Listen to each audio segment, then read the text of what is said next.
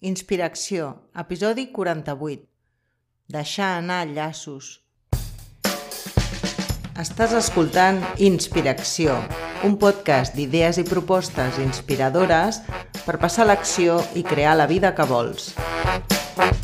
El meu nom és Mònica Segovia i l'objectiu d'aquest programa és compartir tot el que he après els darrers anys i segueixo aprenent cada dia en aquesta escola anomenada vida. Benvinguts a Inspiració. Hola, què tal? Com estàs? En aquest episodi, aprofitant les energies d'aquesta última setmana, et vull parlar del tema dels llaços, dels vincles, de l'aferrament, el que realment ens fa patir. L'aferrament o el vincle es pot presentar de moltes formes. Ens podem vincular a persones, a un objecte, a una feina, a una identitat social i fins i tot a una idea o a una creença. Tots tenim diferents tipus de vincle o aferraments, alguns molt forts i d'altres més subtils, que sovint no som conscients de la seva fortalesa, fins que surten a la llum quan perdem alguna cosa o enfrontem l'amenaça de pèrdua. La majoria dels aferraments inconscients que tenim venen de la infància. Potser en un moment va passar alguna cosa o, o vas viure una situació que tu com a infant vas interpretar que et posava en perill, que et feia sentir insegur físicament. Tenies por i per tal de controlar la situació i de que no es desbordés, vas crear patrons de pensament i patrons de comportament basats en la por, en la por a que això no torni a passar. De sobte, alguna cosa que semblava donar-nos la sensació de confort, de seguretat, de plaer, ens està fent patir. La naturalesa de l'aferrament és un desig i quan el desig no es satisfà o se'ns treu l'objecte del desig o simplement no compleix les nostres expectatives, encara patim més. De vegades, sobretot si estem en un camí espiritual d'ego, pensem que per desfer-nos d'aquest vincle, d'aquest aferrament, hem de desfer-nos de l'objecte, canviar les relacions o canviar les circumstàncies externes. Pensem que el desaferrament significa separar-nos d'algú o desfer-nos de les possessions materials.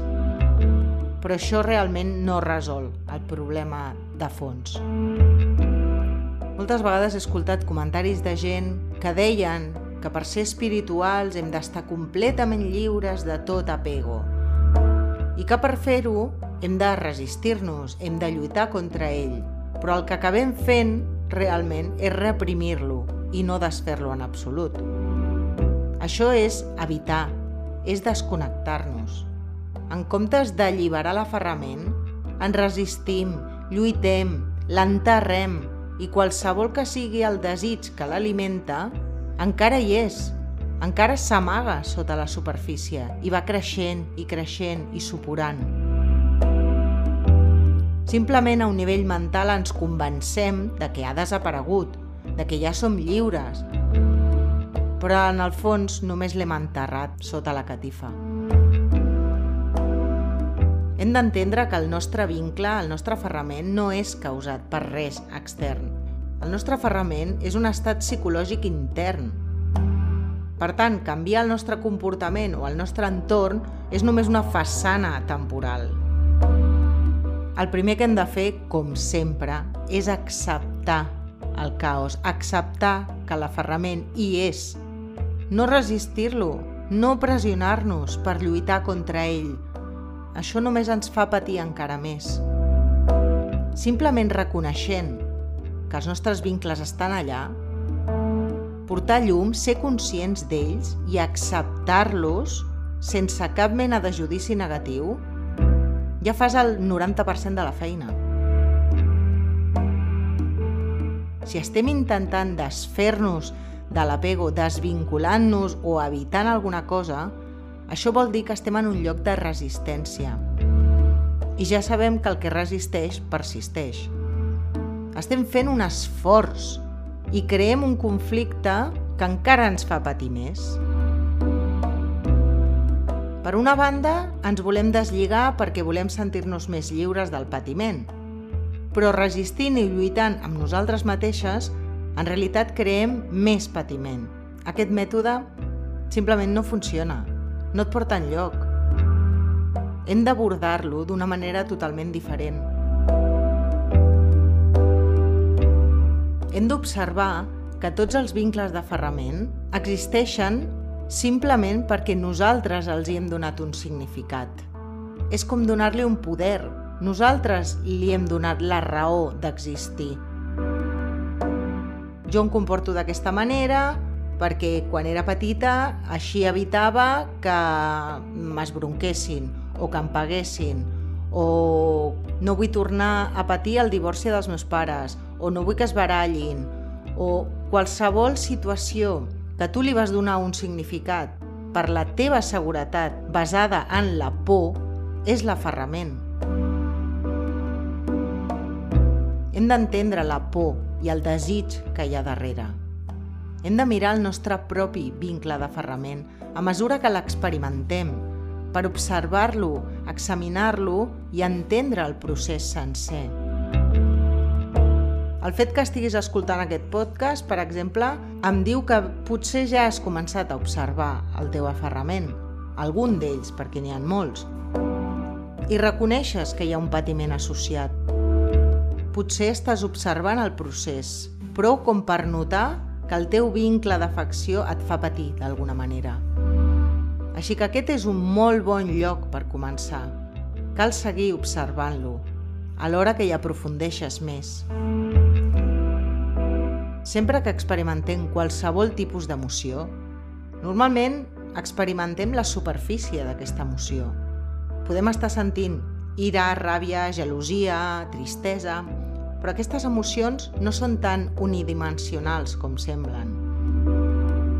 Es construeixen sobre capes d'emocions, pensaments i creences subjacents, de manera que si mirem el nostre propi patiment i veiem que sota d'aquest patiment hi ha l'aferrament, no et quedis aquí.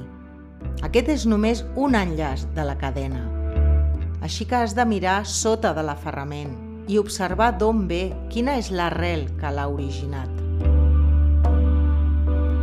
Això, com sempre, és més fàcil dir-ho que fer-ho i realment és una feina totalment individual. Has de veure-ho i entendre-ho per tu mateixa. Perquè encara que jo o algú altre et digui sí, el teu vincle està lligat a això, perquè et va passar això o perquè ho entendràs a nivell intel·lectual i pots estar d'acord o no, però això no et porta enlloc. Fins que no ho integres realment, fins que no ho veus i ho sents, no ho transcendeixes. Sovint el que hi ha darrere del nostre vincle és una mena de desig, que essencialment és una forma de por, d'inseguretat.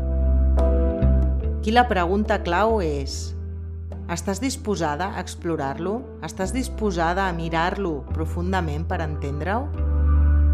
Realment aquestes coses poden ser molt incòmodes, Preferim no anar-hi, preferim no molestar aquesta bèstia dormida, perquè no volem fer front amb aquest nivell de malestar. Però si realment vols acabar amb l'aferrament, si realment vols entendre'l, has de seure amb la incomoditat.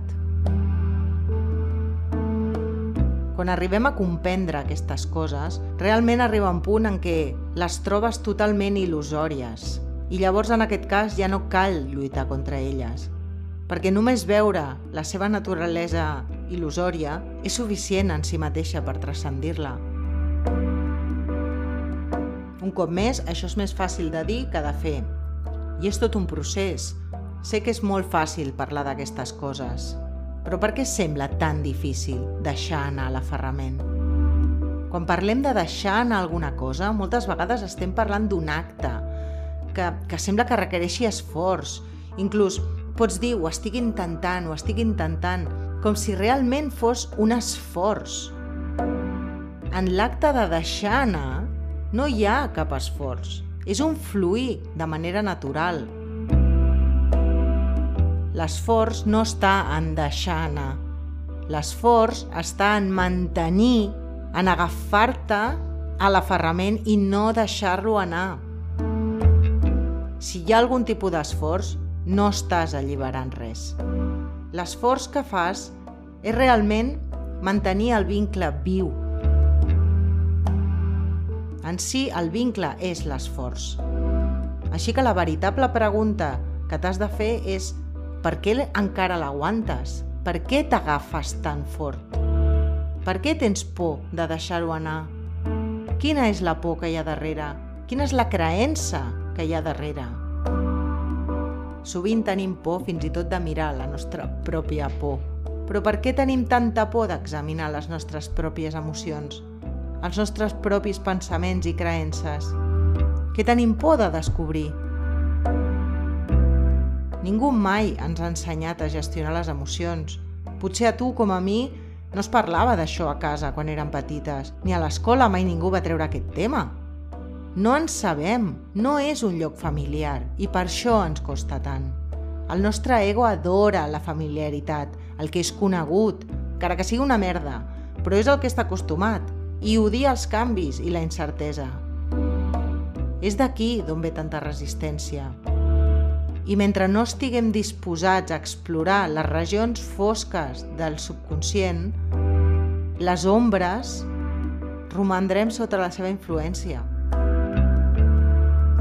Per una banda, volem que l'aferrament desaparegui, però no estem disposats a veure què hi ha a l'arrel. Llavors, com pots esperar que marxi? Com pots esperar deixar anar aquest llaç? Quan sents aquest tipus de resistència per afrontar la pròpia por, potser que en el fons ja saps la veritat i prefereixes no acceptar-la. Jo crec fermament que tots tenim la saviesa en el nostre interior, Només cal escoltar, només cal seure allà. Està tan tapada de capes i capes i capes, d'anys i anys i anys, de coses que no ens serveixen, que no estem acostumats a escoltar-la. Hi ha tant de soroll al voltant que no l'escoltem, però realment ella no ha deixat mai d'estar allà. Tots en el nostre interior tenim les respostes a totes les preguntes. Per poder alliberar els vincles d'aferrament, el primer de tot és acceptar el fet de que gairebé no tenim control de res. No tenim control sobre les circumstàncies. La realitat està constantment sacsejant les il·lusions. És com l'aigua d'un riu corrent sobre les pedres. Tard o d'hora, d'alguna manera, tot es dissoldrà en algun moment, perquè tot és temporal. Així que per què resistim aquest procés? Per què intentar seguir aferrant-te a alguna cosa que ni tan sols és real? Per què no deixar anar la necessitat de tenir control? Deixar anar l'aferrament no és una cosa que podem fer fàcilment sense abans entendre a què ens aferrem i per què. En lloc de centrar-te en deixar anar, posa la teva atenció en allò a què et resisteixes Centra't en veure per què t'aferres tan fort a allò, sigui el que sigui, i tingues molta paciència i amor amb tu mateixa i amb tot el procés. Aporta consciència, sense judici, sense resistència i sense esforç. I sobretot sense estar vinculada a cap resultat concret. Quan entenguis la motivació darrere dels teus vincles, començaran a desaparèixer per si sols. L'ombra és només absència de llum.